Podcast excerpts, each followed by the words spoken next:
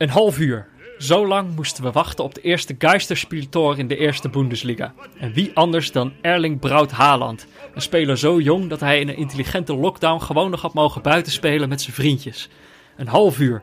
Tot die goal viel kon je gewoon nog denken dat het voetbal eigenlijk helemaal niet terug was. Dat we overhaast genoegen hadden genomen met een plaatsvervanger die weliswaar veel op voetbal leek, maar die als je net wat beter keek helemaal geen ziel bleek te hebben.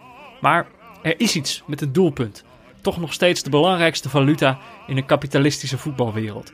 Er wordt gescoord en je vergeet het allemaal.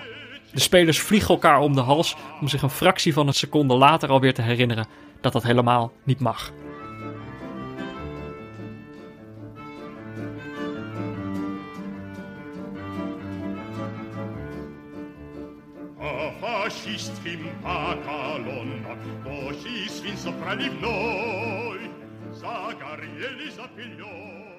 Ja, Jordi. Ja, Peter. Uh, er was weer voetbal op tv. Lekker, hè? Ja, heerlijk. Nou ja, ik weet niet, uh, was het lekker? laten, we da laten we daar gewoon mee beginnen. Hoe was, hoe was je voetbalweekend? Uh, ja, ik heb uh, veel proberen te kijken. Mm -hmm. Het Mhm. begon natuurlijk vrij onhandig met al die wedstrijden tegelijk. Ik ben Mm -hmm. niet zo'n tweede, derde, vierde scherpkijker. Mm -hmm. dus het... Ja, ik heb, ja, het, het, het, poeh, ik vind het zo maar je bent, moeilijk, eigenlijk, Peter. je bent eigenlijk ook ik, al te ver. Gewoon, vertel ja. even. Hoe leefde je er naartoe? Uh, nou, had je... kwam, wel, kwam wel een klein kriebeltje. Echt? kwam wel een klein kriebeltje. Toch, ja, eerst een beetje sceptisch, schouder ophalen. Wij waren uh, al een beetje, weet je, hier ook in gesprek steeds. Van als het dan er weer is, dan wat, bla bla. Mm -hmm. Maar toen ging het toch een beetje leven. En toen werd het, uh, kwam het wel heel dichtbij. Toen heb ik toch even gezegd uh, tegen Lot van... Het is weer zover. de televisie moet weer een keer aan in het weekend overdag. Want er is voetbal. Ja. Nou, die, die, die, die kan het helemaal niet serieus nemen zonder publiek. Mhm. Mm -hmm. Die heeft wel echt een paar keer staan kijken van... Wat is dit nou weer? Nou, vind je dit nou nog... Nu is het helemaal niet te harde.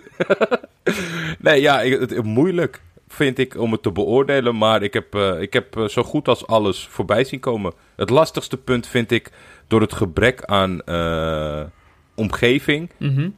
de concentratie om de wedstrijd te bekijken. Ja, ah, dat heb ik ook wel. Ik denk ook, ik, ja? had, ik had ook het kriebeltje waar je het over had. Toch een beetje... Fijn. Dat je dacht... Ik ging ook zelf een beetje twijfelen. Zo van, heb ik er nou echt zoveel zin in? Klopt dit? Maar ik had er echt heel veel zin in. Het is natuurlijk ook ja. gewoon hoe het een beetje... Iedereen zat elkaar ook lekker een beetje op te jutten. En dat, ik bedoel, dat mis je ook wel. Dat er iets is om naar, naar, naartoe te leven, om met z'n allen te gaan kijken. En dat het niet een stream is van Jordi die voetbalmanager zit te spelen. ik bedoel, dat, ja, ik weet niet, dat hoort er ook een beetje bij. Dat je dan uh, elkaar lekker een beetje zit op te jutten om die wedstrijden te gaan kijken. Dus ik had ook dat kriebeltje. Maar ik had um, uh, tijdens die eerste wedstrijden allemaal tegelijkertijd... had ik uh, een conferentiekanaal gevonden. Dus dan een uh, schakelkanaal. Uh, en dat, dat beviel eigenlijk wel, want dan dacht ik, oh ja, dan kan ik ze gewoon wel allemaal zien. En dan heb je ook niet de, de, de saaie stukken. Dus dan krijg je eigenlijk alvast een soort uh, overzicht van al die wedstrijden. Maar zelfs dan eigenlijk, um, zeker ook omdat al die wedstrijden niet spectaculair begonnen, is het inderdaad best wel lastig om je concentratie erbij te houden, merkte ik. Het, lijkt, het ziet er een beetje uit als een oefenwedstrijd. En dan, merk, dan wordt mijn houding tegenover zo'n wedstrijd eigenlijk ook een beetje dat. Het is, zo'n gek fenomeen, vind ik dat. Nou ja, je kan is... er gewoon niks aan doen. Die spelers zelf weten dat het gewoon om de ranglijst gaat. Wij weten dat het serieus voetbal is. En omdat het dan in een lege echo-accommodatie is... dan werkt het gewoon niet voor je hersenen. Want wat is nou ja. feitelijk het verschil? Nou ja, precies. En dat is ook eigenlijk sowieso een vraag. Ik kreeg wel een leuk bericht nog vanochtend... van een vriend van me die per ongeluk op zijn werk... die luistert altijd naar ons op, op zijn werk... had hij per ongeluk ja. de podcast aan laten staan... En toen kwam hij dus weer terug op zijn werk. Uh, en toen zat hij opeens naar Afrika Cup uh, wedstrijden of uh, afleveringen te luisteren. Van een ja. zomer geleden. Um, Zo belangrijk, hè? Wij zijn net rappers. Blijf streamen. Ja, blijf streamen. dit was precies hoe hij dat had gedaan, inderdaad. Wij, dit was heel goed voor onze cijfers. Um, maar hij, toen hij het dus weer begon te luisteren... en dus zomaar mm. in een Afrika Cup aflevering viel... toen ha hadden wij het blijkbaar in die aflevering over het gebrek aan publiek bij dat hele toernooi. Mm. En ik vond het zo grappig om dat berichtje te krijgen, want ik was dat helemaal vergeten. Dat we toen ook gewoon allemaal wedstrijden zonder nou ja, er was wel publiek, maar gewoon echt niet zoveel, hebben zitten kijken. Maar dat ik dat blijkbaar gewoon vergeten was. Ik heb er echt geen seconde aan gedacht in aanloop naar deze Geisterspielen, hoe dat zou zijn. En ik denk, misschien is het verschil wel dat toen hadden er heel veel supporters kunnen zijn en ze waren er niet. En Nee. dat dat op een of andere manier frustrerender is dan nu, waarop ik gewoon denk, ja, ze zijn er nou eenmaal niet. Eh, Ja, want dat weet ik nog wel. Want eh, al die mensen gingen wel naar Egypte, omdat het natuurlijk de host was. Ja. En de kaartjes, eh, er werd best wel vriendelijk gedaan om mensen toch in de stadiums te krijgen. En, en dat gebeurde gewoon niet. En dan heb ik zoiets. En dat is ook wel. stel nou dat het nu zou afspelen daar in Egypte. En dat was eh, op wonderbaarlijke wijze helemaal eh, eh, niet onder het virus. mhm. Kijken of ze dan wel zouden gaan. Dat het ook een beetje een straf is voor hoe laconiek we allemaal zijn geweest. Over, oh, daar heb je weer een klassico, boeien. Ja, hoe Kijk, ik gemakzuchtig. kijk deze niet, ja. Ja. Niks zo gemakzuchtig als het Egyptische publiek tijdens de Afrika Cup. Maar eh, ik, wat het wel was... Kijk, ik had, het, ik had hetzelfde, dus dat ik het lastig vond om mijn aandacht erbij te houden... omdat, omdat het, de wedstrijd denk ik wat vlakker voelt zonder publiek. Ehm, ik denk dat het misschien ook een beetje te maken had met dat het de Bundesliga is. Een competitie waar ik gewoon net iets minder in zit dan bijvoorbeeld de Engelse competitie. Ik denk dat ik makkelijker daarin zou kunnen rollen. Nou, die zijn ook een beetje bezig met weer beginnen misschien. Of die zijn daarna aan het kijken. Ehm, dus dan zal ik pas echt voelen hoe dat dan precies is. Ehm,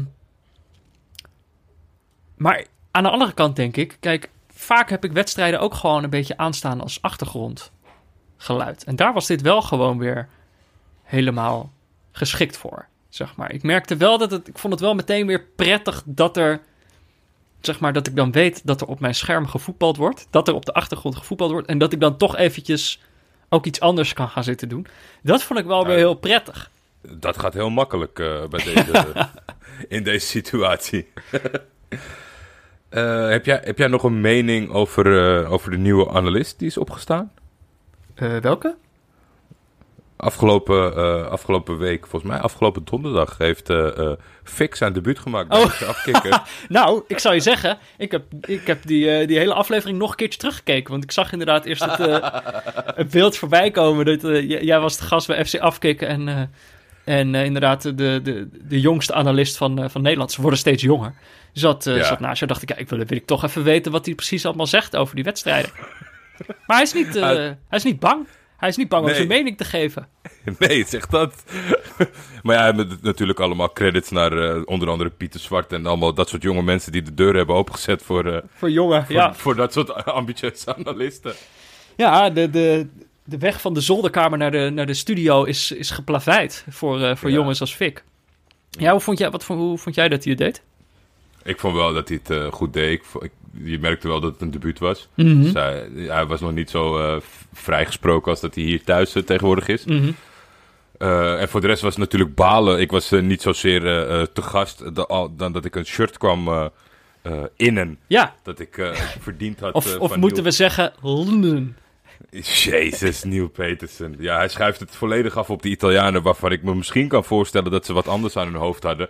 Maar ja, als je toch acht weken uitkijkt naar het ontvangst van een Piacenza shirt en de bedrukking is fout. Ja, Ze hadden de, ze hadden de I van Vef in, hadden ze een L van gemaakt. ja. Man, man, man. zou het man, een soort, wat zou het, waar zou het precies fout gegaan kunnen zijn? Nou ja, misschien is het, dit is te pijnlijk om, om helemaal diep in te Ja, graven. om, om weer op te raken. Ja, ja, ja, dan laten we dat niet doen. Maar dat was inderdaad, eh, nou ja, kijk, eh, jammer, Fik is natuurlijk eh, begonnen bij ons ooit.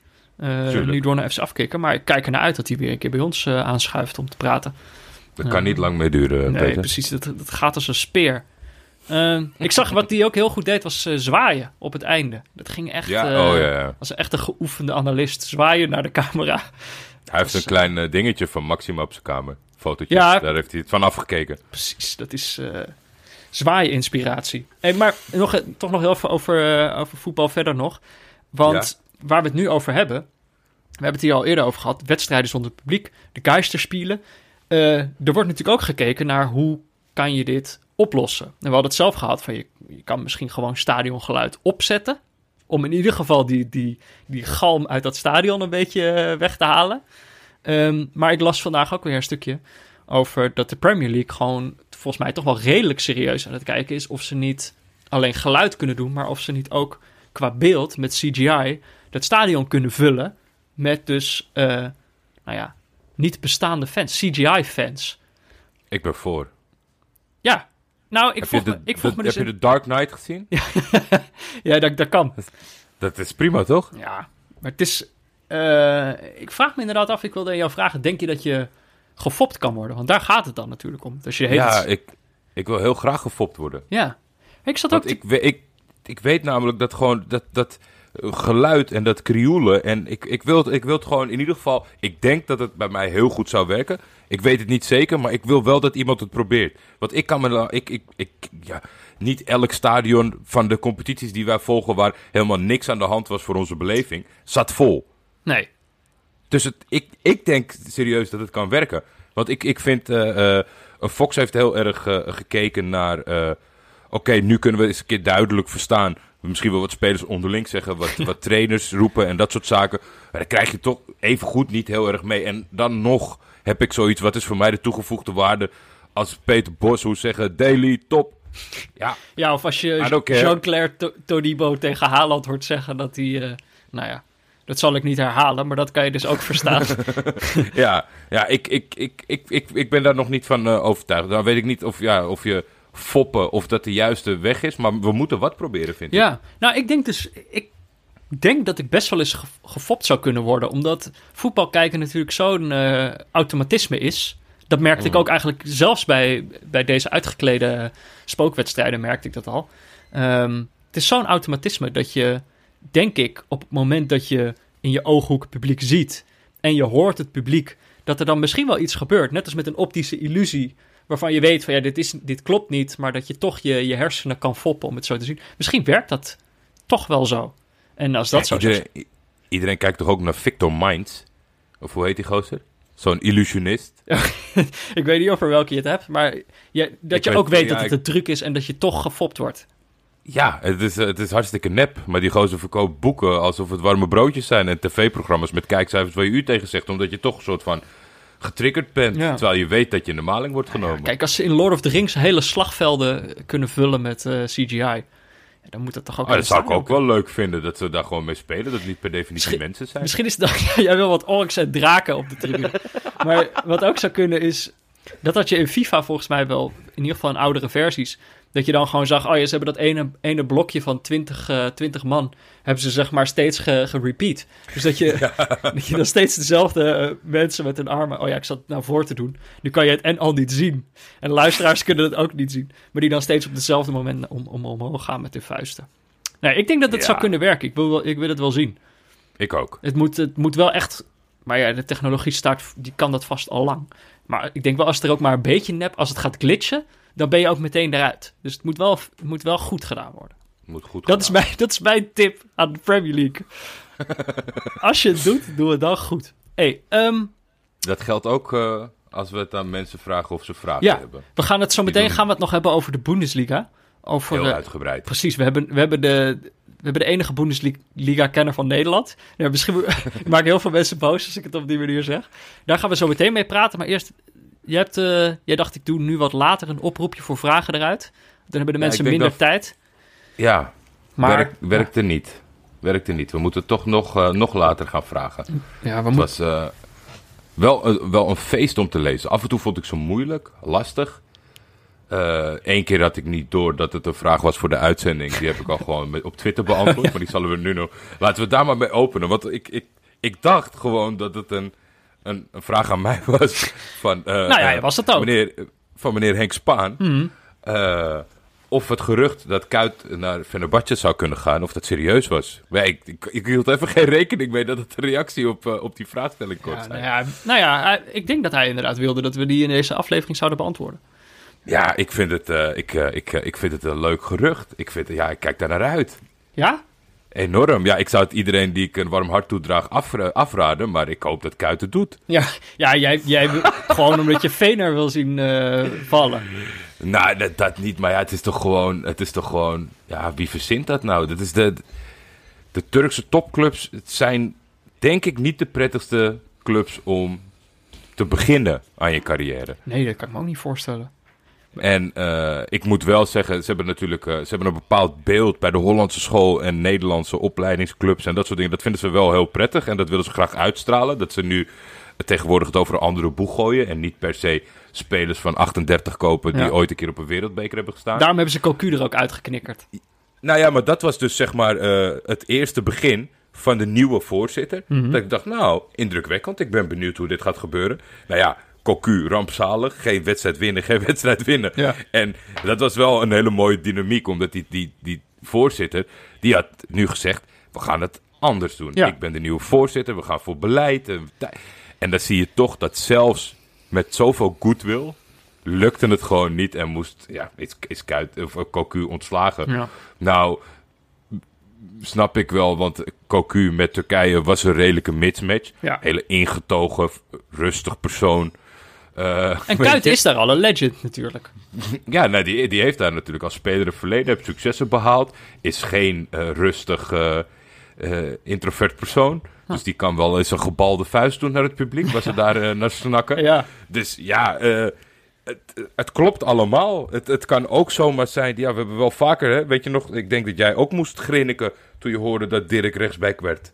Nou, deed hij fantastisch. Dat vond ik echt legendarisch. Dat is, eh, Ja. ik, was alweer, ver- ik was alweer vergeten, maar dat was echt... eh, ik, dat, waar was je toen je hoorde dat Dirk eh Kuyt eens weg ging spelen? Dat is wel een goede vraag. Nou, ik moet wel zeggen... Kijk, de kritiek die hij natuurlijk meteen krijgt... is volgens mij ook van, van Henk Spaan zelf... in een stukje Mhm. in de krant. Ehm, eh, waarom denkt Dirk Kuyt dat hij zomaar meteen een topclub kan gaan, kan gaan trainen? Want dat is natuurlijk wel zo. Volgens mij hoor je van Kuyt's ervaringen op, eh op Varkenoord... hoor je niet de beste verhalen over hoe hij daar eh, jeugdteams van Feyenoord heeft getraind. Of dat eigenlijk ja, niet heeft gedaan. Eh, Maar ze hebben wel winnaarsmentaliteit. nou ja, dat is natuurlijk wel zo. En dat is ook belangrijk, Jordi. ja, dus, dus. Ik vond het wel leuk. Jij had als stelregel... Jij hoopt dus dat het gebeurt, maar jouw stelregel was... als, als een gerucht uit de Turkse krant komt, dan is het niet waar. Dat zei je. Nee, ja. Dus ik, ik kan me no- er is nog steeds ruimte dat het niet waar zou zijn. Ja, nou ja, Maar we hopen van wel. we zullen het zien. We zullen het zien. Even kijken, verdere vragen. Ehm, nou ja, dit was ook nog dit was een vraag van Pieter Zwart. Gaat het over de Bundesliga? Of moeten we die even... Hebben jullie ook zo genoten van Julian Brandt? Vraagt Pieter aan ons. Ja. Ja? J- Jij? Nou, ik vond hem... Nou ja, kijk, ik vond dat wel weer zo'n gevalletje... dat dan iedereen het gaat zeggen... oh, Julian, Julian Brandt is zo goed. En hij had volgens mij wel een paar assists tegen Schalke. Maar ik... Eerste helft was hij wel goed. Tweede helft was hij een beetje eh, klaar ermee. Ja. Ik vond hem de eerste helft wel echt oprecht goed. Maar misschien moeten we dit, dit even bewaren... voor zometeen eh Bundesliga-kenner eh, Martijn Visser. Moeten we, moeten we er dieper op ingaan of, Ja. of Julian Brandt goed is. Ja. Het definitieve antwoord. Ik ben benieuwd wat hij zegt. Even kijken. Ja, hier staat nog wel een verlengde op de vorige. Want Casper Sikkema had getweet, en dat had Diederik van Sessen gezien... was Dirk Kuyt de Jordan van Feyenoord. De Michael Jordan van Feyenoord. Ja, Alex Masereu nog, wie is de Michael Jordan?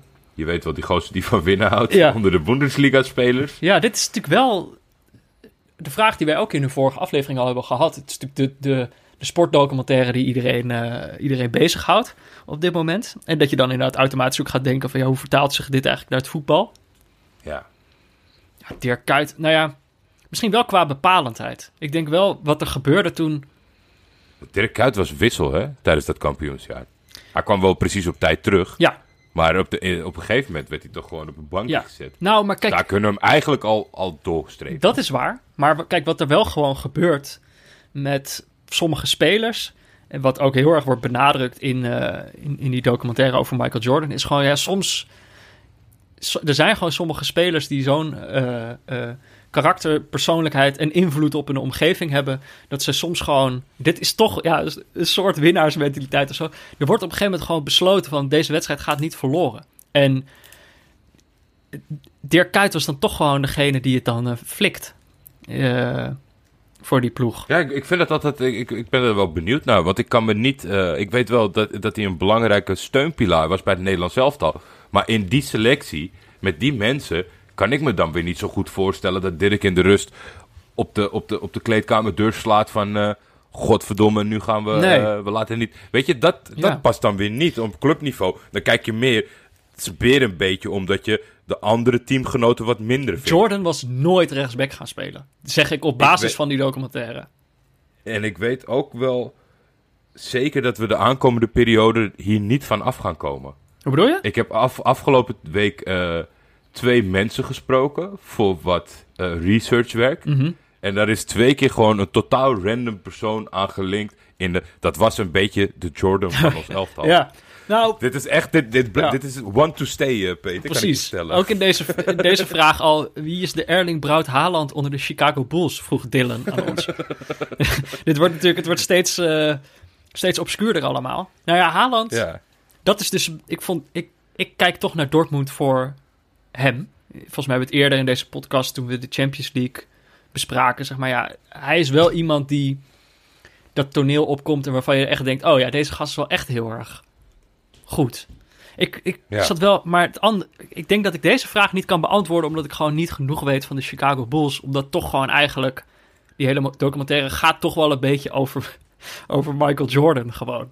En de spelers die hij fijn vond om mee te spelen. Waardoor volgens mij ook allerlei spelers een beetje eh, ach, ja, onder het tapijt geschoven zijn. Waarover Ja. ook verhalen te vertellen zijn. Dus misschien dat de echte Erling Braut Haaland eh, nog niet voorbij gekomen is. Erling is in ieder geval niet Rodman. Nee, maar wat ik me wel afvraag... Kijk, die gast is natuurlijk ontzettend jong. Hij is nu 18, 19 of zo. Eh, ja, kijk, en dan... Zag je dat filmpje voorbij komen met die compilatie van interviews... en hoe die zich dan gedraagt in een interview? Heb je dat gezien? Ja. Zo na de wedstrijd? Had je dat gezien? Heb ik gezien. Ik vraag me daardoor wel af, wat voor soort persoonlijkheid heeft Ik hij ook. precies? Wat, want kijk, zo'n jonge jongen kan je nog voorstellen van ja, je weet gewoon niet zo goed hoe je in zo'n interview moet gedragen. Dan kan ik dat nog best wel accepteren. Maar er zit ook iets heel vreemd eh, arrogants in. Waarvan ik Ja, denk ik van ben ja, dus hoe... ook eh, heel erg benieuwd. Als, want als het gespeeld is, moet ik hem de rest van zijn carrière niet meer. Ja, jij denkt Als het een bewuste keuze is. een soort slaatanpraktijken, denk jij? Ja, een soort aan. Nou, ik, ik denk dat het een combinatie... Ja, ik denk dat het gewoon een combinatie is van... Ik zie daar toch gewoon een beetje een onhandige puber...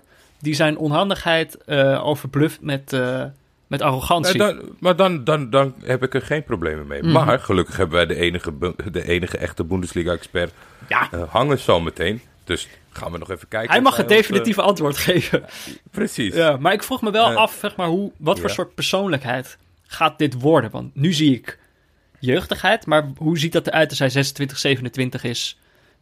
De baas van, eh, van, van het team, zeg maar. Want nu is hij gewoon de goalgetter, Ja. maar hij is niet de leider of zo. Ja. Eh, dus ik ben wel ik ben benieuwd. Even nog eh, wat korte dingen. Joep wilde weten, als je een boom in je tuin zet, welk soort dan? Oh, ja, Ik ik, zou Joep, Joep willen adviseren om eh Ed Jelmer de Boer te volgen. is, dat een, is dat een bomenman? Is toch een plantenman? Ja, maar dat is vaak wel... dat zijn personen die wel een beetje van alles weten. Ja, dat is waar. Ik, ik, ik zou zeggen olijvenboom, maar ik weet niet of dat zo is. Dus ik hoop niet dat ik Jelmer nu boom Ik weet ook niet hoe goed dat groeit in, eh, in Nederland. Nee, ik ook niet. Maar ik zou... ik zie nooit echt olijfjes aan die bomen. Ik vind wel een mooie bomen. Ik heb het in deze podcast vaker gehad over mijn berkenallergie. Maar Oh ja. ik heb dus... Voor iemand met berkenallergie heb ik verdacht vaak in huizen gewoond met, met berken in de tuin. Ehm, dus daar zou ik wel... het een beetje op. Ja, ik zou geen berk doen. Dat is, ik heb een negatief advies. Geen berk. Voor de rest mag het allemaal. Even Dit kijken. vond ik ook wel leuk. Willem Wietse. Zijn er ook voordelen aan wedstrijden zonder publiek? Wat gaan jullie missen als er straks weer supporters zijn? Ja, dat weet ik echt niet. Het is nu nog te snel, maar ik vind wel nu al leuk dat de vraag stelt... wat ga je straks missen Ja, aan, aan dit? We zijn één week onderweg. ja. Ehm, nou, ik zat, we hebben het eerder over gehad. Spelers die ehm, eh, zouden kunnen floreren zonder publiek. En ik denk dat je Mhm. wel in die eerste paar wedstrijden al een paar momenten zag waarop je dacht: oh ja, deze ploeg heeft misschien toch de druk van het publiek nodig om er meteen te staan. Eh, was het Eintracht volgens mij? Er zijn gewoon sommige ploegen die volgens mij echt wel publiek nodig hebben. En spelers die het beter doen zonder publiek. Maar ik hoorde een commentator tijdens een van die wedstrijden zeggen... en dan ben ik natuurlijk weer vergeten welke commentator dat was. Heb ik ook weer vergeten welke sportpsycholoog die aanhaalde. Eh, maar dat deed hij meerdere keren. Ja, eh, en die sportpsycholoog had gezegd dat eigenlijk vooral de scheidsrechter garen spint... bij een wedstrijd zonder publiek. En toen dacht ik, ja, volgens mij is dat eigenlijk de, de grote winnaar...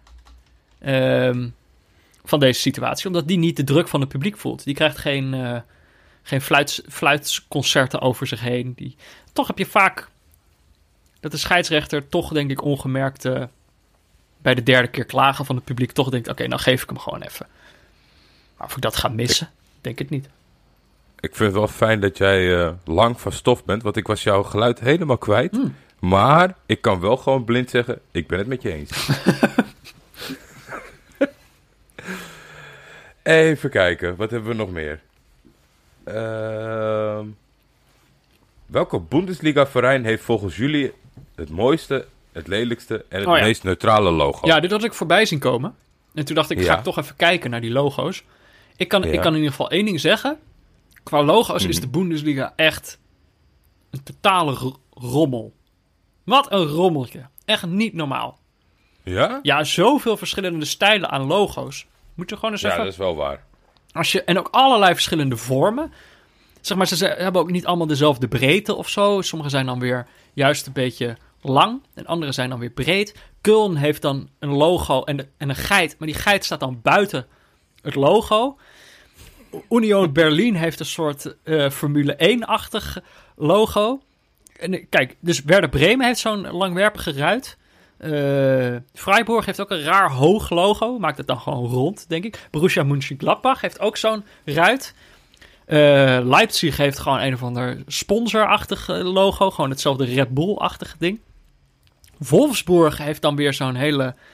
Zo'n zo'n zo'n W. En dat is dan weer Van, van Wolfsburg. van Wolfsburg met een compleet ander detailniveau dan bijvoorbeeld eh Leverkusen. Wat dan zo'n heel gedetailleerd logo is met, met van die leeuwen aan de zijkant. Het is gewoon een rommeltje. Het, is gewoon, eh, het past helemaal niet bij elkaar. Je zou toch zeggen Maar- dat daar, nou ja, ben je het daar niet mee eens? Er nog iets eh, voor je? voor- ja, nee, ik ben het wel eens met je bevindingen. Maar ik probeer het dan iets eh, neutraler te kijken. richting, richting tot, tot een antwoord proberen te komen. Oké, ik vind het lelijkste logo vind ik denk ik die van Leipzig. Omdat dat, Ja. dat is gewoon, dat is... En dat is, niet, en dat is echt niet omdat ik een soort van eh, eh, against modern voetbal Oh. vind. Kijk, het is gewoon... Ja, het komt wel een soort van bij elkaar. Maar het is gewoon het logo van Red Bull op een of andere manier. Ja.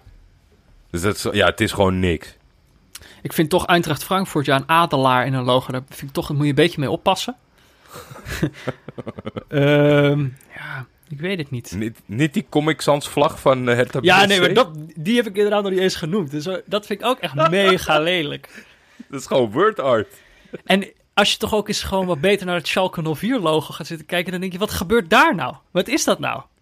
Ja, die achtergrond van het blauwe. Ja, wat doen ze daar nou eigenlijk? Mis ik iets? Ja, misschien wel trouwens. Misschien dat er toch, is dat niet een soort, er zit er niet nog een letter omheen? Nou ja. Ik vind als ik qua wat ik op wat ik zou als sticker op mijn laptop zou durven doen, Mhm. dus het meest stickergericht vind ik Union Berlin.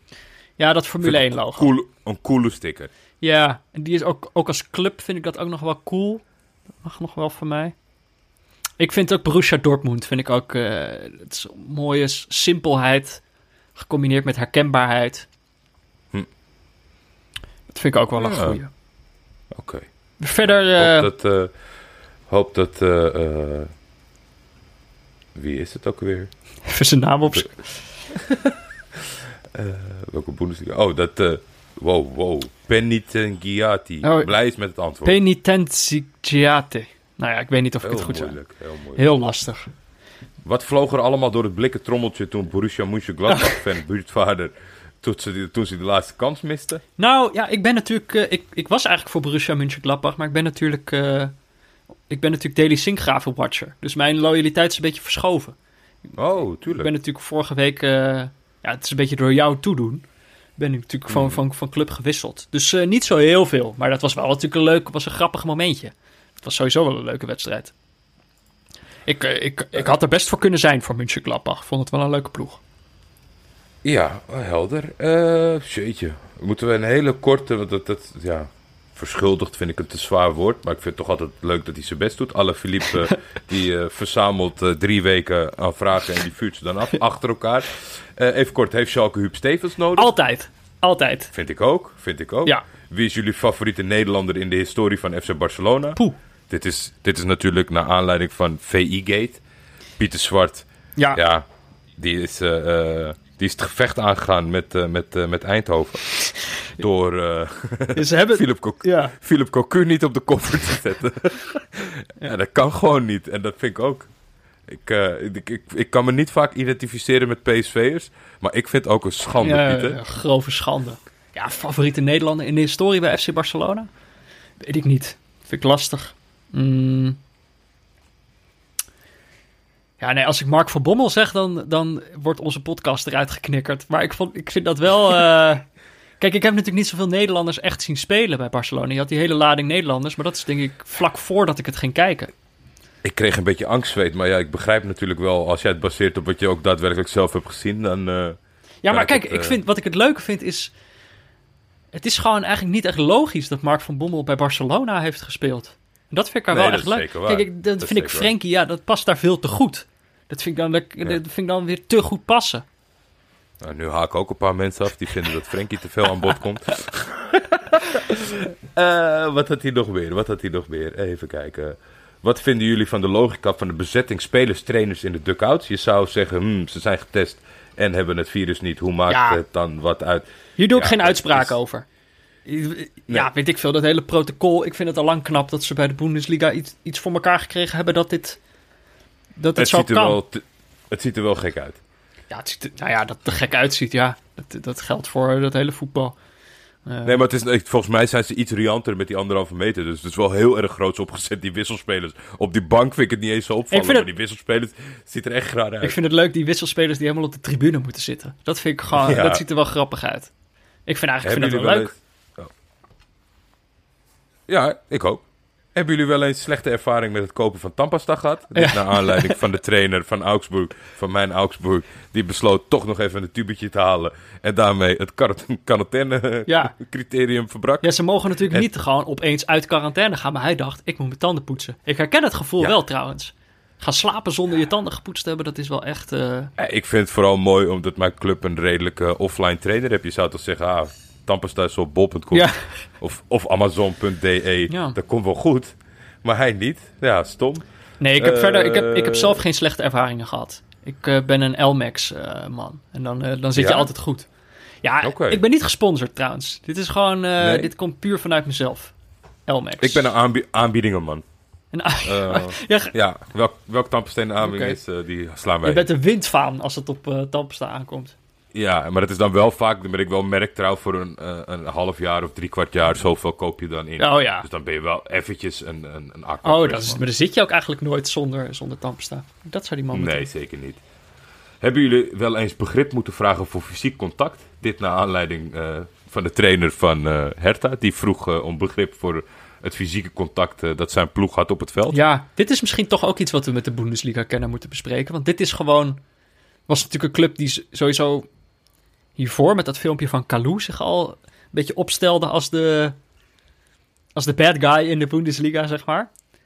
Yeah. Uh, ja, en ik bedoel uiteindelijk dan ook op het veld. Kijk, er is, er is dan gewoon een soort aanbeveling om elkaar niet de hele tijd gaan zitten aanraken bij het juichen. En zij trappen er een paar ballen in en geven elkaar allemaal kussen en zo. Dan denk ik, ja, wat, wat zijn jullie nou aan het doen? Om dan daarna te zeggen, ja, uh, ik wilde iets in zijn oor fluisteren of zo. Dat vind ik ook allemaal niet zo waterdicht. En wat eigenlijk nog lastiger is, is dat de Bundesliga hen uiteindelijk niet bestraft heeft.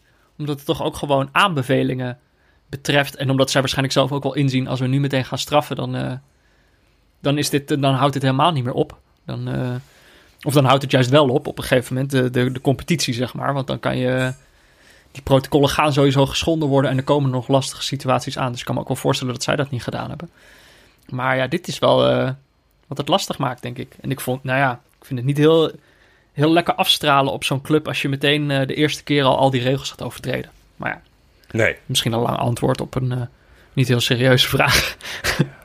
Eens. En Peter, we hadden nog wel 25 tot 30 vragen ja. kunnen hebben, kunnen beantwoorden. Ja. Maar volgende week weer een kans, mensen. Ja. Het is te veel, het duurt te lang. We zijn ook niet heel erg goed in het kort beantwoorden van vragen. nee. we, nemen, we nemen jullie allemaal hartstikke serieus. Ja, dat blijkt wel dus. Ja, ja uh, wie het eerst komt, die het eerst Ja, haalt. volgende keer, uh, volgende keer beter. Waren wel weer leuke vragen, ja. vond ik. Oké. Okay. Hartstikke leuk. Uh, wat verder, kijk, we moeten natuurlijk door, want het is in deze tijden van social distancing ook belangrijk om contact te houden met vrienden van de show. En ik, ik, zei het al eerder, ik zei op een gegeven moment, toen bekend werd dat de Bundesliga weer begon, zei ik tegen Jordi, is er überhaupt een Bundesliga-kenner die we kunnen uitnodigen? En jij uh, had er eentje. Jij wist er eentje. Ja, eentje. Martijn Visser, we hebben hem al eerder genoemd in deze podcast, want hij is namelijk van de website bananenflanken.nl, gewijd aan uh, de Bundesliga en de geschiedenis van, uh, van het Duitse voetbal. Mm, dus die hebben we zo meteen te gast, Martijn Visser. Maar voordat we hem gaan bellen, hebben we natuurlijk eerst een woordje van onze sponsor.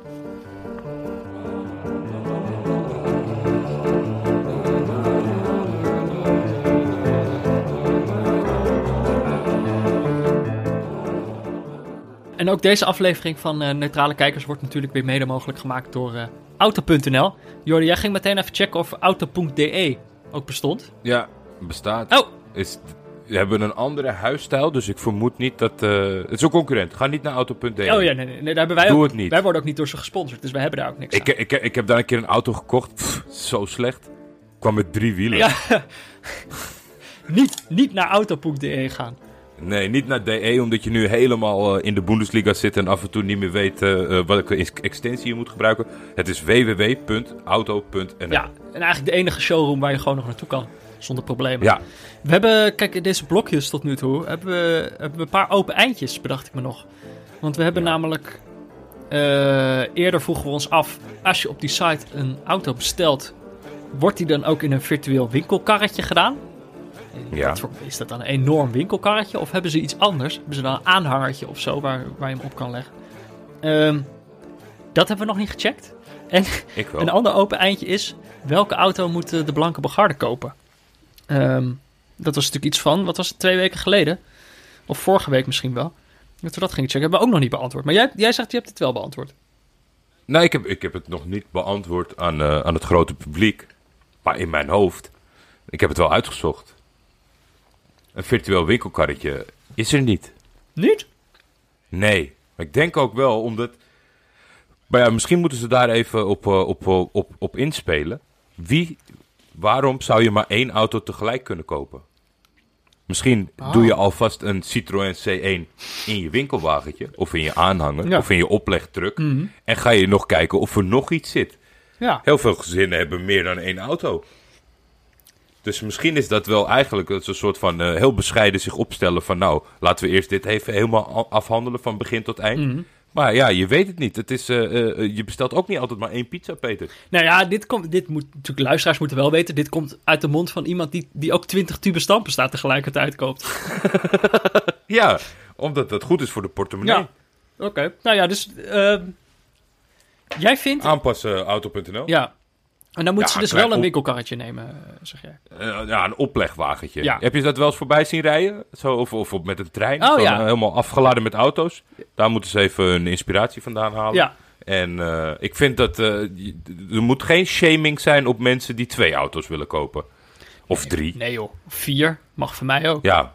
Want anders moet je het helemaal afmaken en allemaal, weet je, allemaal handelingen verrichten en ideal en zo. En dan moet je weer opnieuw beginnen. Ja. Dus er moet wel even voor mensen met een eh, breder budget, moet er een, eh, een winkelwagentje ge- komen. Ja, en, die, en de tweede losse eindje, of moeten we dat nog, eh, nog een keer oplossen? Ja, ik denk dat het allerbelangrijkste voor die blanke Bogarde is dat hij een grote auto kiest. Waar, eh, waar, waarbinnen hij de social distancing kan toepassen. Ik weet dat dat hoog op zijn actualiteitenlijst staat. En ik zou een auto wit nemen, want daar komt misschien de Zieg-sticker op de motorkap het mooist naar voren. ik weet ook dat hij die heel erg gaat missen. En eh, dat, eh, als iemand ermee zou rondrijden, dan is het eh die blanke Bogarde. Dat hij hem nooit hoeft te vergeten, zo op de motorkap. Dan moet hij wel Ja. zo zitten dat hij er zelf de hele tijd naar kan kijken. En weet je wat het is, Peter? Als jij of een witte of een hele grote auto zoekt, moet je naar auto.nl. Kijk. Want die hebben dat. Precies. Auto.nl. Dus niet auto.de. Absoluut niet. Auto.nl. Ja, we hangen aan de lijn met eh, Martijn Visser, Bundesliga-kenner van bananenflanken.nl. Ehm, Martijn, mogen we Bundesliga-kenner zeggen? Ja, dat mogen jullie uiteraard. Ehm, ik Nou weet- ja, oké. Ja. Jij, jij vindt jezelf wel een kenner, dat mag gewoon. Nou ja, ik, ik, eh, ik, ik, weet, ik weet er veel van. Alleen eh, niet alles natuurlijk, dat is, dat is een utopie. Maar als jullie mij kennen willen noemen, dan mag dat. Oké, dat is fijn. Want voor de luisteraars die het niet weten, jij hebt de website bananenflanken.nl. Ehm, Ja, ik eh, doe dat samen met Alexander Drost. Mhm. Eh, wij hebben dat in augustus vorig jaar opgezet. En eh, ja, dat is, dat is een website geheel gewijd aan het Duitse voetbal. En wij vonden dat er wel wat meer aandacht mocht worden besteed aan het Duitse voetbal. Dus wij zijn die website begonnen en eh, ja, dat loopt prima. maar waarom vind je dat dan, dat er meer aandacht moet zijn voor het Duitse voetbal? Ehm, Waar, waar komt, misschien anders vragen, waar, waar komt jouw liefde voor het Duitse voetbal vandaan? Waarom de Bundesliga? Waarom niet gewoon de, de, de Premier League of zo? Ja, dat, dat is. eh, vroeger eh, groeide ik eigenlijk een beetje op met, met de sportshow. En ik woon ook niet zo ver eh, van, van de Duitse grens. En ja, dan, dan ga je eens een keer eh, de grens over. Dan ga je een wedstrijd bezoeken. En ja, dan, dan pakt jou dat. En ja, het, is, het, het ligt bij wijze van eh, om de hoek. En dat is, dat is in Engeland anders. Eh, Engeland is ook een prachtige competitie. Maar met Duitsland heb ik gewoon eh, gevoelsmatig meer. Dus eigenlijk van kinds af aan en dat is altijd zo gebleven. Ja, kijk, in Duitsland heerst een echte voetbalcultuur. En, en voor, voor de mensen daar is het een, echt een dagje uit. Hè, een biertje, een, een broodje braadworst en, en een potje voetbal kijken. Nou, die hele sfeer, ja, dat vind ik geweldig. Dat vind ik echt, eh, vind ik echt top. Eh, Heb je dan ook een soort van, eh er hoeft niet meteen, maar een, een negatief beeld bij eh, voetbal die, dat wat heter wordt bestreden, vooral op de tribunes? Want da- bij Duitsland inderdaad is natuurlijk ook wel de reputatie dat bijvoorbeeld de supporters prima door elkaar heen kunnen zitten op zo'n weekend. Ja, dat is ook wel het bijzondere van, van het Duitse voetbal. Dat, dat je gewoon heel veel ehm, fans van, van eh, allerlei clubs, eh, wat je zegt, door elkaar heen op de tribune eh, terugziet. En ja, er gebeurt bijna nooit wat. Natuurlijk gebeurt er altijd wel, wel eens her en der iets. Ja. Maar in het Duitse voetbal Vroeger gebeurde er wel meer qua hooligans en dat soort dingen, maar nu is dat, is dat wat beter. Hey, en is dat voor jou dan, eh, was het, miste je het heel erg toen het weg was? Was dit, was zeg maar afgelopen weekend echt een eh, euforisch moment dat de Bundesliga weer begon? Ja, ik stond op mijn balkon te schreeuwen, dus... eh, nee, maar eh, zonder gekheid. ik, ja, het viel op zich wel mee, moet ik eerlijk zeggen. eh, het, het, het voetbal in het algemeen, ehm, natuurlijk mis je het wel enigszins, maar ja, je pakt het ook wel heel erg snel op... In de zin van dat je andere dingen gaat, gaat zoeken.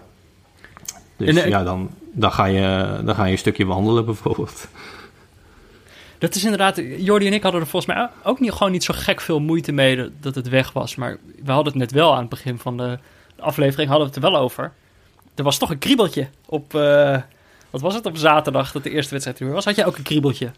Ja, ik had ook een kriebeltje en, en net zoals jullie was ik ook wel af en toe snel afgeleid. Maar het was wel weer fijn om naar voetbal te kijken. Het blijft het, het, blijft het mooiste om natuurlijk in het stadion te zijn, maar dit, ja, dit is ook eh, ja, dit is ook een goede tweede. Was, was er misschien nog een soort van extra f- eh, goed vooruitzicht op het feit van dat ik kan bevestigen, denk ik ook wel. Ik wou het zeggen als geen ander, maar dat slaat nergens op. Maar dat er dat het een beetje onderbelichte competitie is in, in de Nederlandse massapubliek. Dat je nu zoiets had van, nou, dit is in ieder geval misschien wel een mooi moment. eh, dat er wat, misschien blijven de mensen wel hangen Nou ja, bij de interesse. Of, of kan je het prima alleen ervaren, in die zin alleen overdreven, maar zeg maar voor de gekscherendheid. Ja, nou, het is natuurlijk eh, hartstikke mooi dat er nu wat extra aandacht is voor de Bundesliga. En ik hoop dat er heel veel mensen blijven hangen eh, in de toekomst. En dat ze ook eens een keer eh, de grens overgaan en een, een wedstrijd meepakken. En nou ja, dan garandeer ik je dat je, dat je verkocht bent. Maar als we dan even naar, naar, naar dit speelweekend gaan. Heb je, wat, heb, wat heb je zitten kijken zoal? Op, eh, op zaterdag bijvoorbeeld? Ik eh, ben begonnen met Bochum tegen Heidenheim. Oh, je hebt echt de tweede Bundesliga weer begonnen. Ja, dat begon zaterdag om 1 uur. Dus dat was eigenlijk de voorwedstrijd van, eh van Dortmund-Schalke.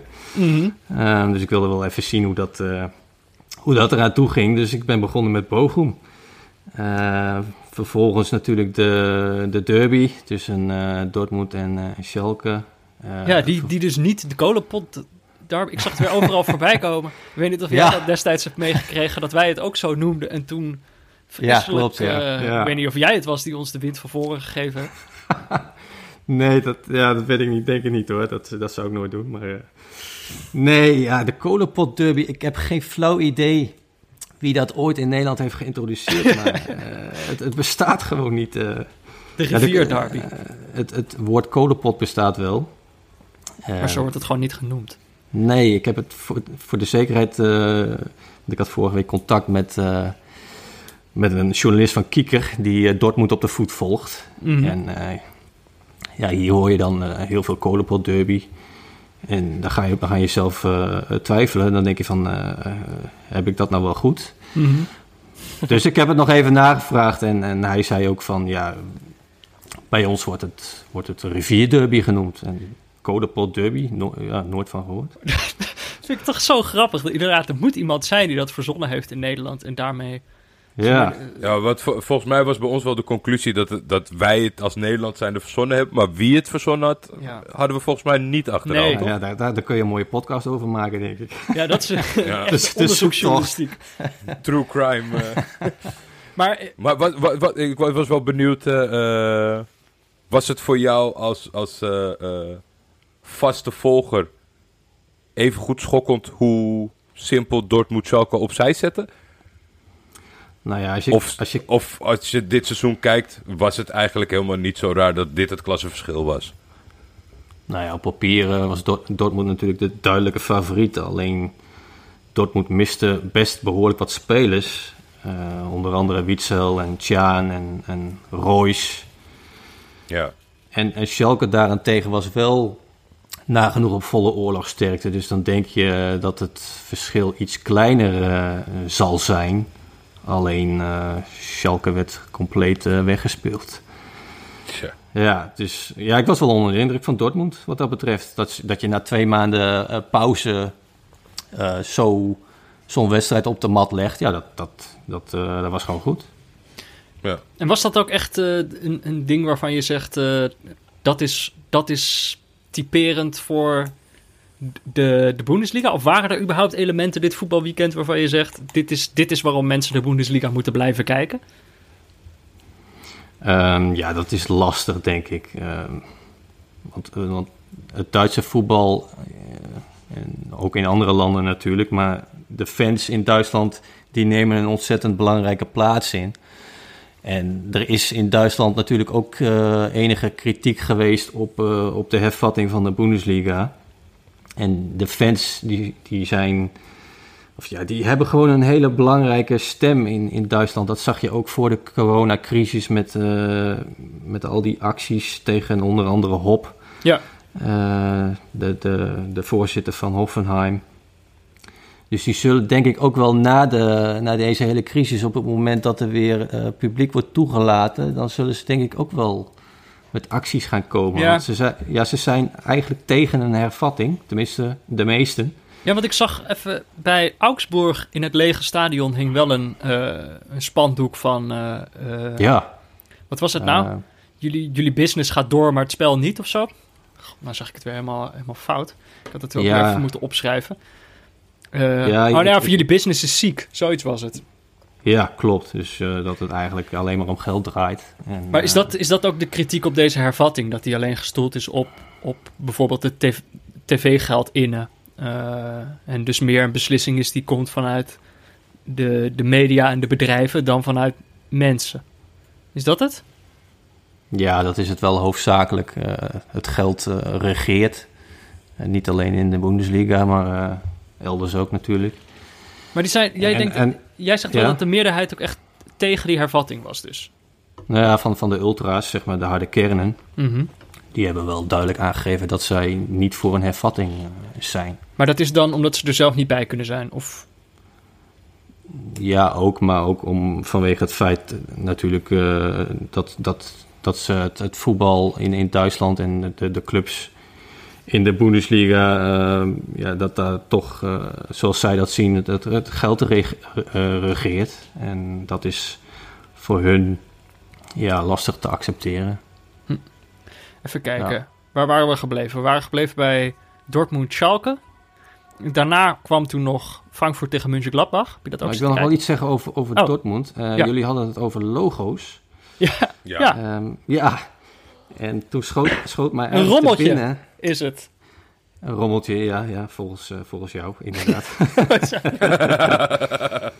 Nee, nee, ik-. Eh, Wat wel leuk is, is ehm, Dortmund had in de jaren 70 een, eh, een shirtsponsor, Samsung. Mhm. Dat zeg, zeggen jullie misschien wel iets. Samson, niet, eh, niet Samsung. oh, nee, Nee, Sam- Samsung. Ja, Samsung, de, de, de sigarettenfabrikant. ja. Oh, check. Ja, Check. ja. ik zie hem hier Ja. nu voor me. En, en eh, oh, ja. dat was de, de, de shirtsponsor in, in, in de jaren 70 van, van Dortmund. En toen hebben ze het logo van Dortmund hebben ze veranderd. En, eh, En stond- zie ik. De leeuw van Samson is daar toen in verwerkt. Jezus, het geld dat is wel- regeert. Dat is, ja, het- ja. Dus dat is wel een mooi verhaal. Een, een Nederlandse shirtsponsor en die dan een, blijkbaar een dusdanige invloed heeft dat, eh, dat de leeuw in, in het logo eh, werd verwerkt. Nou ja, een aantal jaren later is dat weer hersteld. Maar eh, ja, dat vind ik wel, is ook wel je- iets, iets kan- waarvan ik zeg van dat wil ik nog wel eens uitzoeken. Maar. Ja. je kan je het nog slechter treffen natuurlijk dan zo'n leeuw. Er zijn nog veel lelijkere logo's te bedenken. Zeker, Ja, wat, zeker. Wat, wat. vind jij, wat, wat, wat vind jij de mooiste, Martijn? De mooiste? Ja? Eh, ja, vind ik lastig. Vind ik lastig. Ik denk, eh, ja, Mag ook tweede Bundesliga hoor. ja, of Dritte Liga. Ja, of regionalliga. Ga je, voor, mij, voor mij heb je de vrijheid. Als jij zegt, ik, ik heb gewoon eh, één favoriet, dan mag jij hem gewoon opnoemen. Nee, vind ik lastig om, om dat nu zo ineens te noemen. Je hebt, je hebt simpele logo's als Gladbach en, en Werder Bremen. Maar je hebt ook wel logo's als waar jullie het eerder over hadden, Union en St. Pauli. St. Pauli is ook wel aardig. Wat, hoe ziet die eruit? Wacht, ik ga het even googlen. Sankt Pauli. Die is rond. Oh ja, dit vind ik ook wel een mooie inderdaad. Maar die hebben dan wel weer bruine shirts. Daar ben ik dan weer minder van. Ja, Ja. dat is niet de beste kleur eh, Nee, voetbalshirt nee. die er ooit bedacht. Je kan niet alles hebben. Nee, dat is waar. Nee. Dat is waar.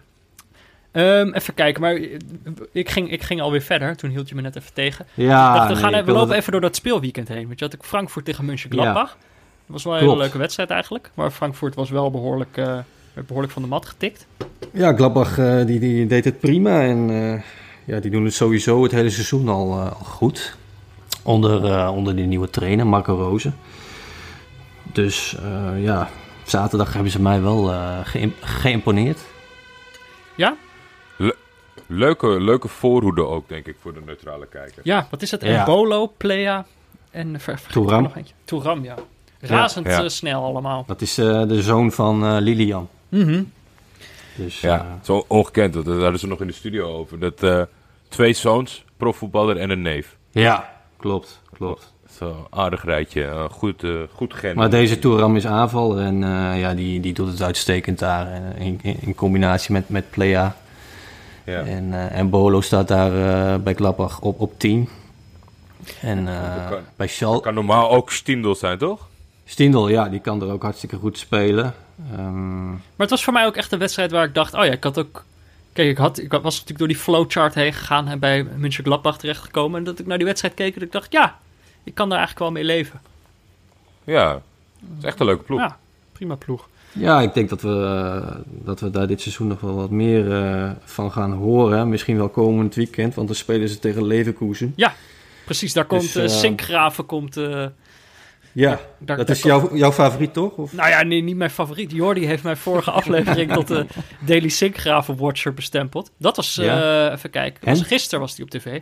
Ja, Nou ja, ik heb heel gezien? goed... Nou ja, ik, inderdaad, ik heb heel goed zitten watchen. ja. Eh, was, eh, was, was lastig. Ik werd op een gegeven moment door het voetbalgeneuzel... die ook de wedstrijd zat te kijken... en op Twitter een berichtje naar me stuurde... zei die, zag je dit? En toen was ik dus net even weg... en ik dacht, oh ja, hij zal iets opvallends hebben gedaan. Maar het meest opvallende moment van eh Deli Sinkgraven... was dat hij werd teruggefloten bij een inworp. Dus dat hij te ver eh, aan het sjoemelen was. Nou, en verder heeft hij inderdaad niet zo gek veel, eh, gek veel gedaan. Maar ja, wel gewonnen. En een basisplek, dat is natuurlijk ook niet vanzelfsprekend voor Deli Sinkgraven. Dus, nou ja, voorzichtig gestart. Het kan nog veel beter. Maar eh, Hij stond er in ieder geval in. Ik bedoel, Jordi is Je- Jeffrey Gouwenleeuw-watcher. Had het een stuk lastiger. Nou, onmogelijk, Peter. Onmogelijk.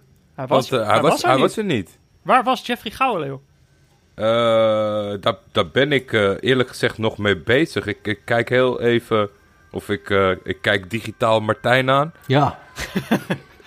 Weet jij het, Martijn? Waar, waar was hij? ja, hij zat niet bij de selectie. En ik heb ook even, even gekeken, maar ik, ik, kan, eh, ik kan niet achterhalen wat hij nou precies had. Maar no, normaliter is hij basisspeler, dus Oh, ja. dat is wel heel omineus. Wordt dit, Dit het, is, eh, dit wordt de dit True Crime begin. podcast, Jordi. dit is het begin van een speurtocht, Peter. Dat voel ik aan alles. Misschien was hij eh tandpasta aan het kopen. Ja, oh ja, dat Ja. zou kunnen natuurlijk. Ja. Ja. Wat, is, wat is verder eigenlijk naast uh, Deli Sinkgraaf en, eh, en eh, Jeffrey Gouwenleeuw? Wat is, wie, wie ben jij aan het watchen eigenlijk, Poeh. Martijn? Op wie let jij? Of welke club kijk je het liefst? Of is het, ben je wel echt een competitie? Nee, ik ben wel echt een competitieliefhebber, dus ik kijk wel, eh, wel alles. En het is niet zo dat ik een favoriete club heb of een favoriete speler.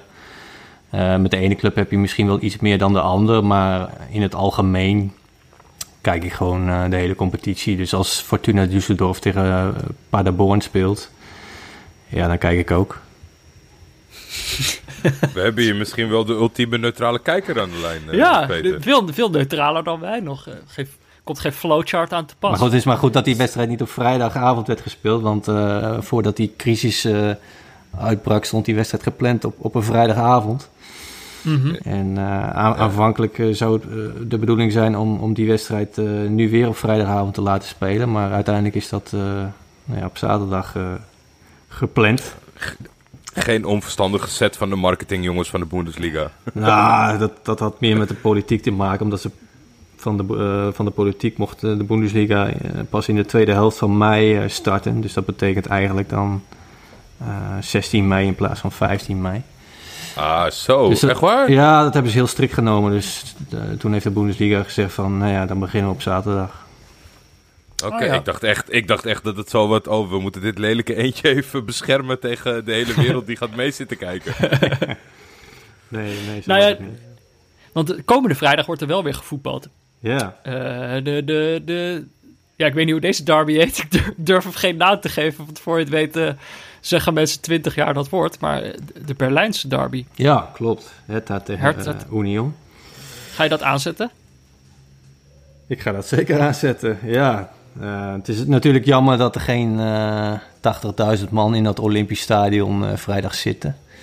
Dat neemt wel wat, wat glans weg natuurlijk. Of heel, Mhm. heel veel glans. Hoe vind jij dat eigenlijk? Hoe, hoe, je, hebt, je zei al, je, hebt, je vindt het ook lastig om je te concentreren. Maar Ja. vind, vind je het echt een, eh, een grote smet? Of, of kom jij zo wel aan je trekken eigenlijk? Nou ja, natuurlijk is het een, een smet, want, want voetbal hoort natuurlijk met publiek te worden gespeeld. Alleen, ja, we weten allemaal dat het op dit moment even niet mogelijk is. Ja, ik vind dat dus met die reden vind ik het allemaal wel wat makkelijker te verkroppen. Ik vind sommige mensen wel heel streng. Ja, nee, Jordi, je, je kan er al, je kan je er zelf op instellen. En ja, dat, dat, dat moeten we met z'n allen eh, maar doen dan. Ja. Maar dan toch even over het voetbal. Hertha Ja, Union, wat wordt, dat, wat wordt dat voor wedstrijd? Waar moeten we op gaan letten? we moeten op gaan letten. Eh, Vraag ik aan de kenner, hè? Dat vraag ik aan de kenner.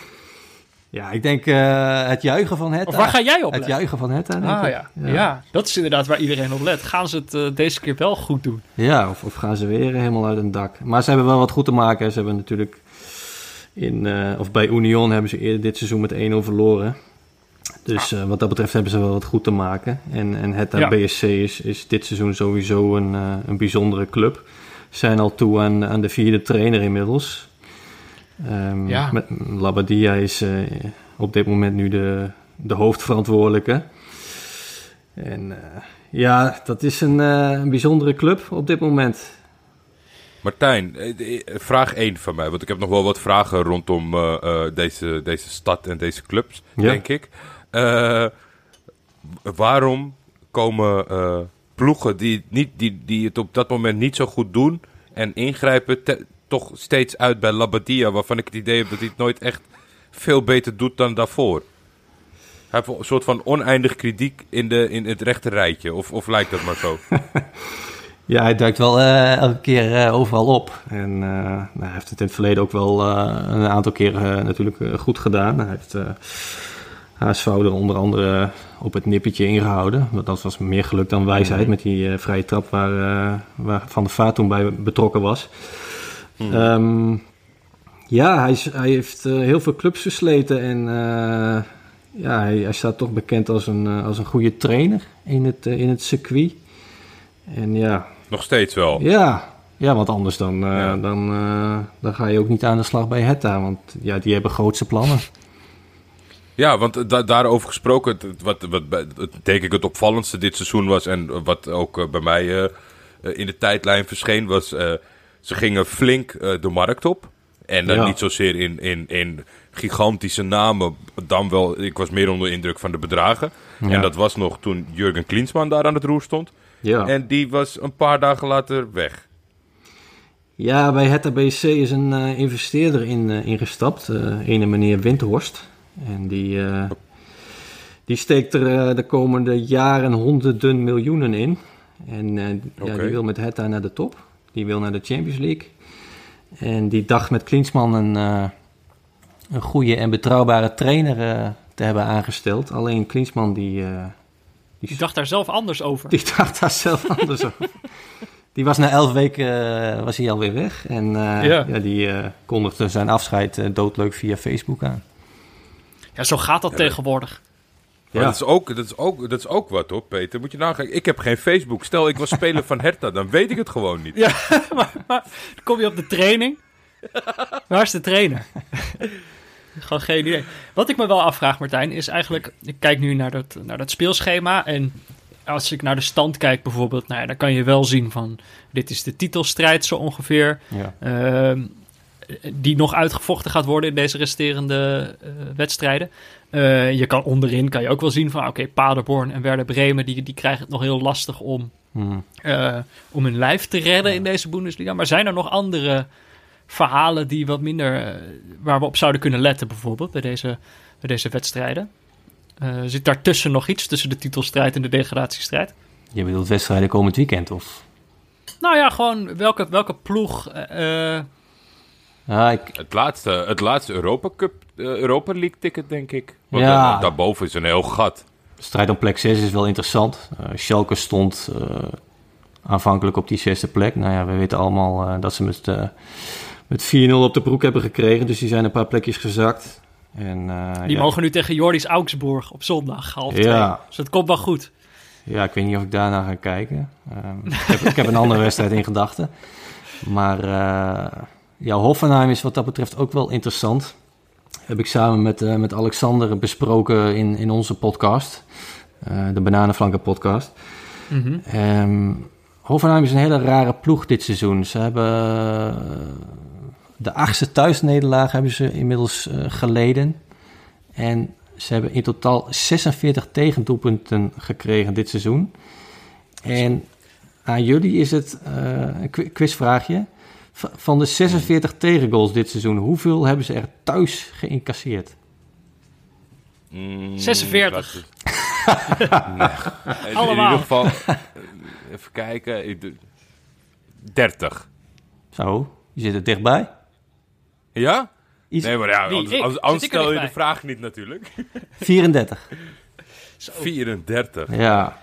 Zo, maar dat is inderdaad, er wordt, wordt met het ontbreken van publiek wordt wel, wordt wel gesproken over het verdwijnen van thuisvoordeel. Dit is voor, voor Hoffenheim, was het al lang verdwenen? Ja, voor Hoffenheim maakt het uh, volgens mij niet zoveel uit of er nou publiek zit of niet. Ja, maar er zit natuurlijk wel een, Nederlands Opmerkelijk wel.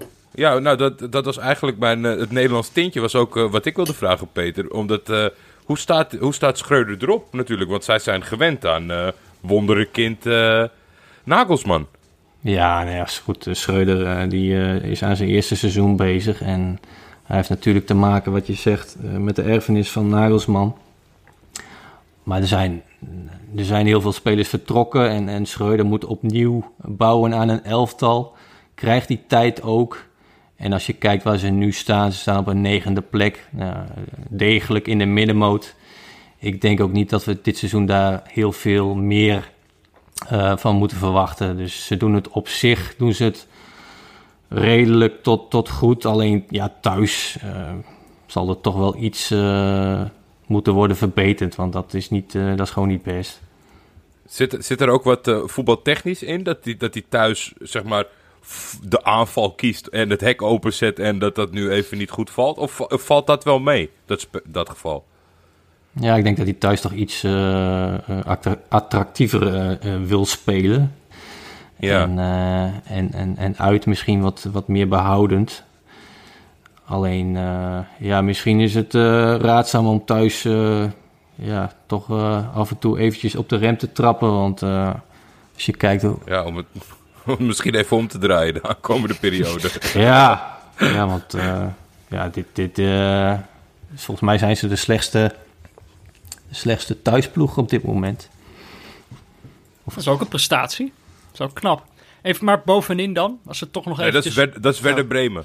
Ik uh, fact check het meteen. Ah, Eén, één overwinning, twee keer gelijk, negen keer verloren. Nou, ja. ik moet ook zeggen, ik heb die gezien tegen Leverkusen. van, van Sinkgraven natuurlijk.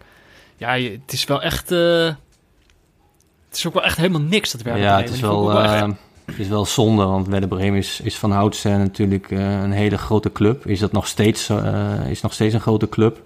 Ik moet nog steeds aan Ailton denken in dat strakke shirtje. Ja, ik zag, ik zag gisteren na die, uh, na die wedstrijd tegen Le Leverkusen op Fox nog een special voorbij komen over 2004. Toen Werder Bremen de dubbel pakte. En, uh, en hij hield... Heb ik ook zitten kijken. Heb je ook zitten kijken? Oké. Nou, ja. ja, heb ik ook zitten kijken. Ja, vond ik wel, vond ik wel mooi uh, met Ailton en, en, en jongens als uh, Valerien Ismaël en, en... Ja, dat was een... Dat, Miku. dat was, dat was ja. echt een geweldig elftal. En ja... Ja, dan moet je het nu doen met Niklas Moisander. Ja, dat is... Gewoon een, een man die ik constant vergeet in quizjes. dat hij bestaat. Wat, wat, wat, wat ik het ergste vind als ik naar Werder Bremen zit te kijken... en ik denk dat dat ook het ergste gevoel is voor de supporters... is dat je ziet een ploeg die het al heeft opgegeven.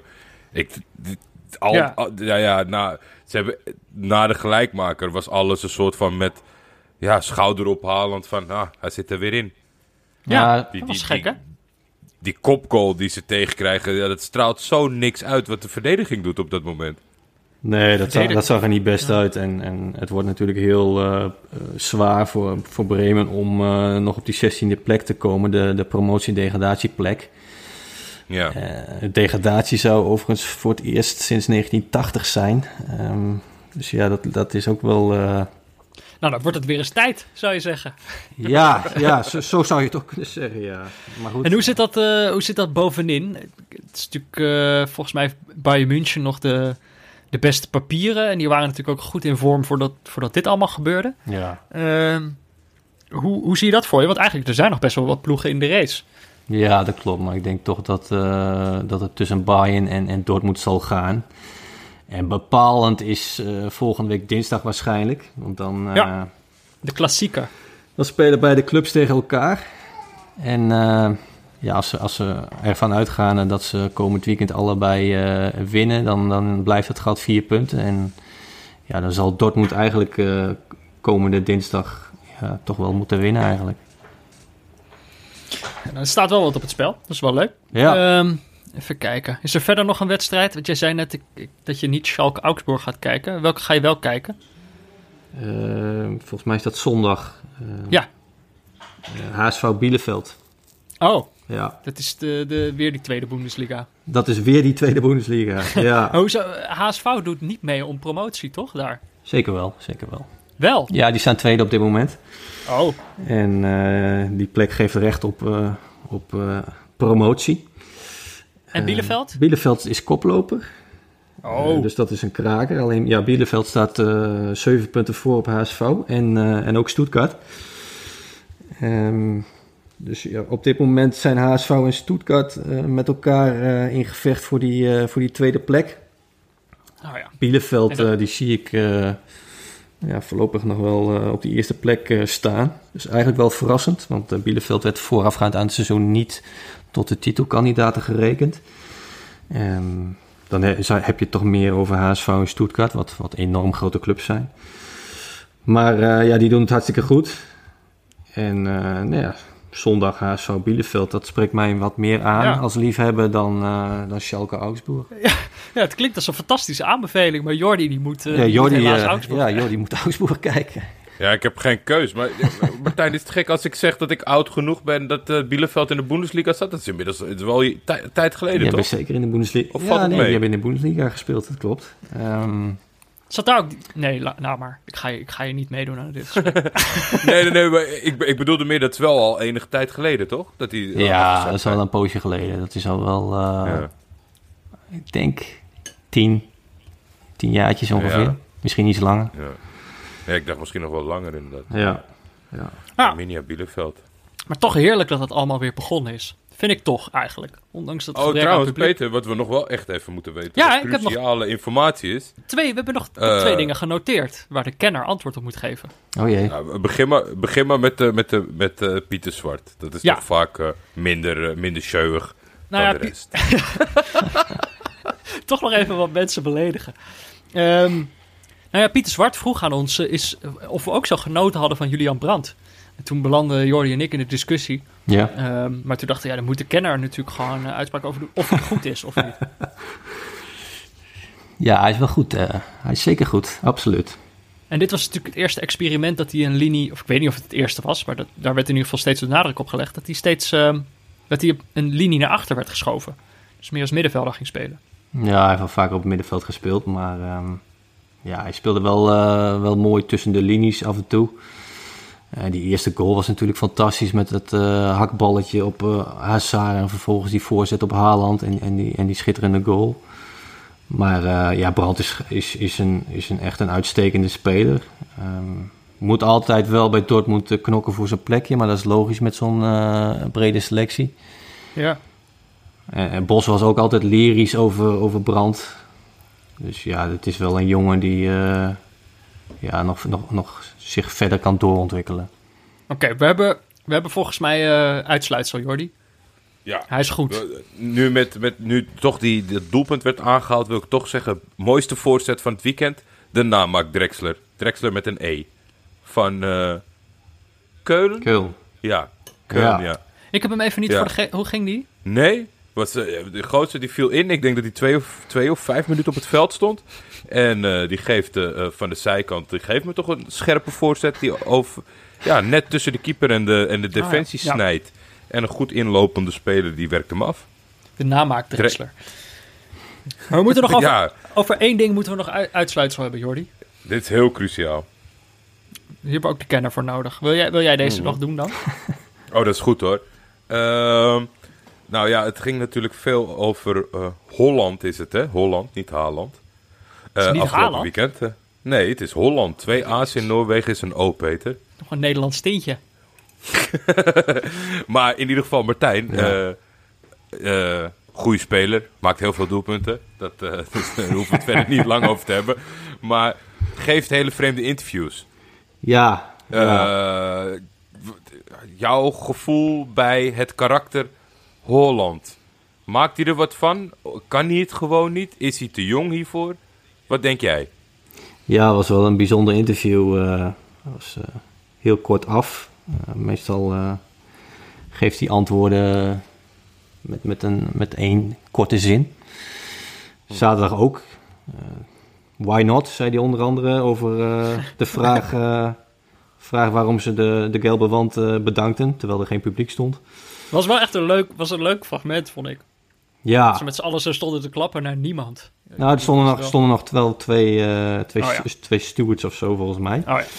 Maar, eh, Maar, maar ja, k- kort af. Ja, eh, ik- weet je, ik- onwennig, oké. maar ik vond het nu voor het eerst... Het leek ook wel een beetje... eh, Gespeeld. ja, wat, wat, wat zou ik zeggen? Nou, misschien als achterliggende gedachte... maar ook gewoon een beetje eh, ja, brutaal, respectloos. Om, door, door de keuze, zeg maar. Want het waren niet zulke gekke vragen... maar hij maakte het een soort van... wat is dit voor gekke vraag? ja. Ook zeker met dat vervolg wat hij daar zei van... ja, eh, wil je, eh, willen jullie hiermee een eh, signaal afgeven? Ja. Nou ja, leg het dan uit. Nou, Ja, ik vind ik- het wel... ik, heb, Ik vind het wel grappig ja. dat... Sorry, Martijn, ik, ik, ik wilde nog eerst wat... ik, moet, ik moet er dan toch weer even tussendoor. Ik, eh, wat ik er wel grappig aan vind... voor, dan kunnen we het daarna verklaren. Maar ik vind het wel grappig dat... Kijk, journalisten stellen... Voetbaljournalisten stellen wel vraag, vaak ook gesloten vragen. Hm. Dus dan... Die, die je ook dan gewoon kunt beantwoorden met alleen ja of nee. En ik vind het ook wel grappig als iemand dat gewoon een keer doet. Dat, dat je misschien ook eens wordt gedwongen om een iets andere vraag te stellen. Maar ja, het is Ja. gewoon inderdaad eh, compleet gebrek aan bereidwilligheid. Maar sorry, ik ben geen kenner. Dat is, dat is eh, Martijn. Ja, ik, ik zag op Twitter ook eh, wat, beelden voorbij komen van Haaland in, in eerdere interviews. En daarin Ja. deed hij eigenlijk eh, precies hetzelfde. Eh, echt ultra korte antwoorden. Dus eh, ja, misschien eh, zit dat in zijn karakter. Misschien is hij zo. Aan de andere kant denk ik dat je nou ja, toch wel iets, eh, iets meer kan vertellen. ja. Lijkt mij. Ja, ik zag, ik zag dus een jongen en daardoor dacht ik... Ik denk dat het een combinatie, combinatie is. En het tweede gedeelte van de combinatie denk ik dat mij niet aanstaat. Kijk, het eerste gedeelte is gewoon dat hij inderdaad misschien wel een beetje zo is. En daar heb ik hartstikke veel begrip voor. Maar of je dan daar een beetje je best in doet of er wat van probeert te maken... of dat je er een beetje een gimmick van maakt om... eh, ja, toch wel... Toch, ja, misschien zet ik het iets te zwaar, maar...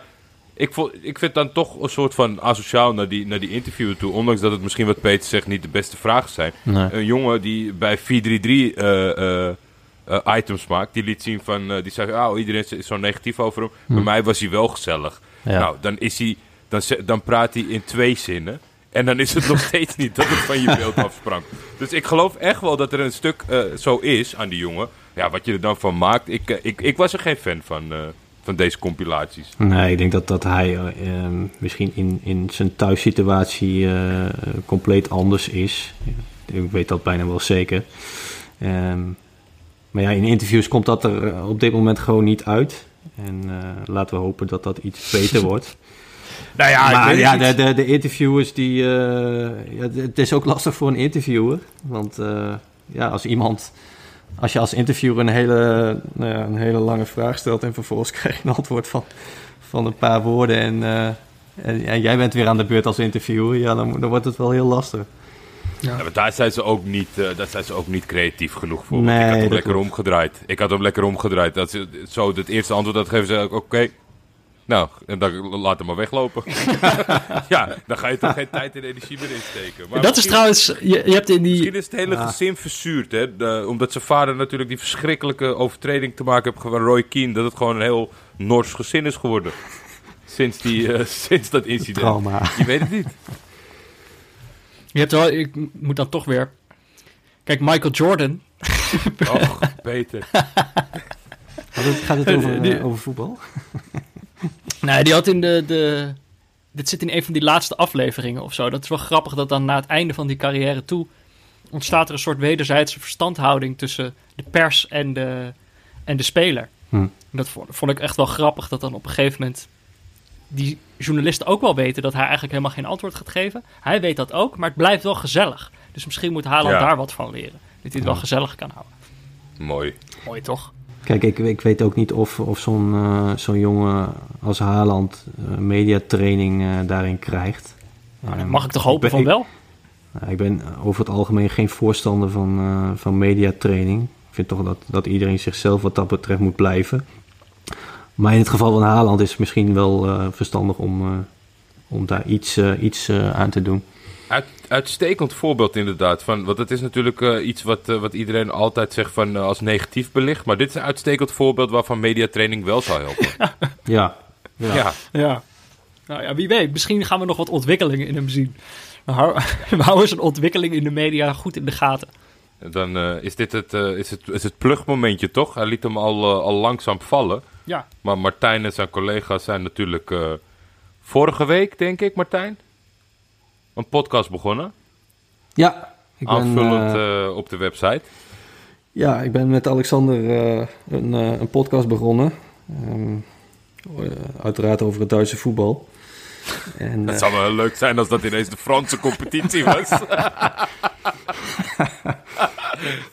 ik vond het wel grappig. eh, ik ben, ben in 2016 op de Ferreur-eilanden geweest. En, en ja, daar heb je schitterende kunstgrasvelden in een idyllische omgeving. En, en daar ben ik wel ook wel verliefd op geworden. Ehm, Dus uh, daar heb ik op Twitter ook wel uh, de laatste tijd iets, iets aandacht aan besteed, omdat die competitie ook is begonnen. Ja. Maar goed, om daar een podcast over op, op, te nemen, dat, dan gaat dat ver. Maar... Nou ja, er zijn, kijk, wat natuurlijk wel is, er zijn gewoon niet zoveel voetbalpodcasts. Dus wat dat betreft is het gewoon al goed dat je, dat je, er, dat je ermee begonnen bent. Ja, we, Hadden wat, we hadden wat tijd over. Hoe, het is gewoon de Bananenflanken podcast, toch? Ja, de Bananenflanken podcast. En we hebben inmiddels twee afleveringen erop zitten. Oké. En het is op alle platformen wel, wel te beluisteren, waaronder Spotify. Dus we gaan elke week, of in ieder geval op het moment dat het ons verstandig lijkt, dan, dan nemen we een afle aflevering op. en dan, nou ja, dan, dan kan iedereen daarnaar luisteren. Okay. Gelukkig, gelukkig worden wij verplicht door onze sponsor, hè, Peter. Dat wij niet zouden denken, we maken een aflevering omdat dit het juiste moment is. Ja. Auto.de Nee, die mag niet meer genoemd worden. Hey, maar goed, uh, als je dus inderdaad de, de, kenners meer aan het woord wil horen, dan uh, verwijs ik je vooral door naar uh, bananenflanken. Um, ja. Dankjewel dat je het gast wilde zijn, Martijn. Ja, jullie bedankt. Ik vond het gezellig. En nou ja, sterkte de komende weken nog. Sterkte. ja, met die, met die competitie zonder supporters. Nou ja, we zullen zien of het, hoe we het doorkomen. Nee, die komen we wel door. Het is een fantastische competitie en we moeten het nu even zonder publiek doen. Maar op het moment dat er weer publiek wordt toegelaten, dan, uh, dan wordt het nog mooier. Ja, dat is een mooi vooruitzicht. Jordi, ben jij er, zit, jij er, ja? zit jij er ook helemaal doorheen? nou ja, misschien ik kijk uit naar als we de de Bundesliga misschien kunnen ervaren. Maken we er een bananenflanke neutrale kijkersuitje oh, van. Ja. Een keer over de grens. Maar ja, wie weet, Peter, zijn we er echt aan verknocht en zijn we geen neutrale kijkers meer. Oh ja, dat is, dat is echt een gevaar. Misschien kunnen we nooit gevaar. naar een wedstrijd. We mogen nooit meer naar een wedstrijd. Oké, nou, um, dit was weer een aflevering van uh, Neutrale Kijkers in Quarantaine. De negende alweer, Jordi. Zo lang duurt dit al. Het is maar goed dat we alweer gaan versoepelen. Anders dan... Uh, Oh, Mark Rutte komt zo. We moeten opschieten, Peter. Oh, ja, ik schiet even op. Uh, mede mogelijk gemaakt door, eh, door Dag en Nacht. Gesponsord door Auto.nl. Nogmaals, uh, dank aan onze gast Martijn Visser. Dankjewel, Martijn. Alsjeblieft. Uh, dank aan Barry Pirovano voor de illustratie. Leon Lischner en Friends en Studio Cloak voor de muziek. Uh, wil je meepraten? Dat kan. Uh, stuur een berichtje naar @defef of @buurtvader op Twitter of via de hashtag neutrale kijkers of uh, mail naar neutralekijkers@gmail.com of laat een recensie achter op iTunes. Ehm, tot volgende week, Jordi. Tot volgende week, Peter.